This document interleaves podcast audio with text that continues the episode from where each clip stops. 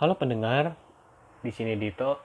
Saya adalah mahasiswa pendidikan sosiologi 2020 di Universitas Pendidikan Indonesia. Di episode podcast pertama ini, saya akan membahas tentang masalah demokrasi yang ada di Indonesia.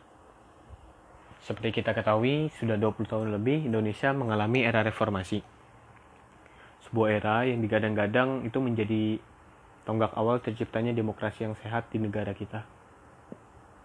Akan tetapi, era yang digadang-gadangkan itu sebagai era demokrasi yang sehat itu nggak terwujud hingga kini, tidak terwujud hingga kini. Berbagai macam masalah dan persoalan kerap kali menghinggapi sistem demokrasi yang ada di negara kita. Sebenarnya kalau mau kita telah lebih lanjut, banyak banget masalah-masalahnya yang, men yang menghinggapi sistem demokrasi di negara kita. Hanya kali ini saya akan membahas satu masalah demokrasi yang cukup menarik dan cukup krusial, yaitu dibungkamnya dan dibatasinya suara-suara kritis dari masyarakat.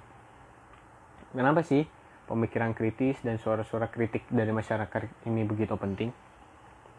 Karena dengan adanya pemikiran kritis dan kritikan dari masyarakat ini, menjadikan kekuasaan negara itu tidak sewenang-wenang, menjadikan negara semakin diawasi dan membuat pem, dan membuat dan membuat pemerintah uh, bekerja sebagaimana mestinya, membuat kebijakan yang yang pro terhadap rakyat dan membuat kebijakan yang berguna bagi seluruh rakyat Indonesia. Akan tetapi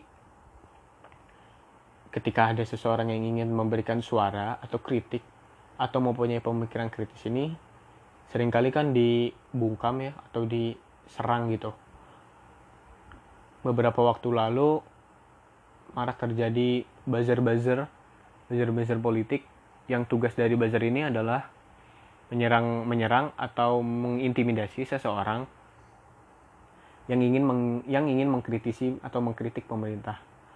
Menurut saya, tindakan buzzer ini adalah sebuah kecacatan dari sistem demokrasi yang ada di negara kita sebuah tragedi atau sebuah kejadian yang sangat memalukan gitu. Kenapa negara yang selama ini digaung-gaungkan sebagai negara yang berbebas bebas berpendapat, bebas mengeluarkan suaranya justru membungkam suara orang-orang yang ingin membantu dan ingin memberikan saran kepada pemerintah. Kalau dipikir dalam logika, kalau ada orang yang ingin memberikan saran atau sebuah masukan kan harusnya didengar oleh pemerintah. Tapi kenapa di sini negara seakan-akan menutupi kita atau membatasi kita dalam hal bersuara, dalam hal menyampaikan pendapat kita? Uh, hal itu diperburuk lagi oleh pemilu 2019 yang menjadikan masyarakat kita semakin terpolarisasi, semakin terkotak-kotakan, semakin curiga terhadap satu sama lain. Kalau ada orang yang mengkritik pemerintah, nanti dia dibilang dari kubu B. Kalau ada orang yang pro sama program pemerintah, nanti dia dibilang kubu A. Ini adalah sebuah dampak negatif dari sistem demokrasi atau pemilu yang terjadi di 2019. Ditambah lagi berburuk dengan banyaknya hoax dan hate speech yang merajalela di sosial media.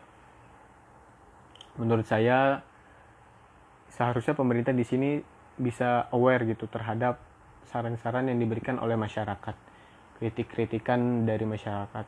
Pemerintah tidak perlu takut atau negara tidak perlu khawatir tentang kritik-kritikan ini.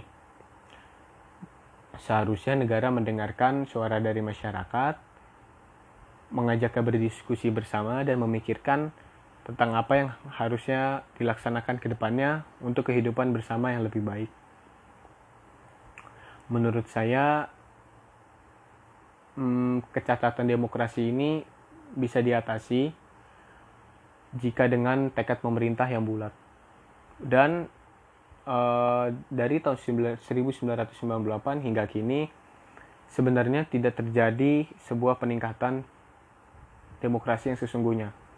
Dari 98 hingga kini ya ma masih aja terjadi apa namanya tindakan-tindakan dari negara yang berusaha membungkam hak kebebasan kebebasan bersuara rakyatnya.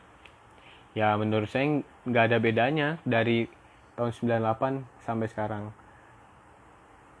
Uh, sebuah era yang digadang-gadang menjadi era demokrasi yang sehat pun nggak berjalan baik hingga sekarang gitu hmm, sekian episode podcast pertama ini Terima kasih sudah mendengar terima kasih sudah mendengarkan dan sampai jumpa.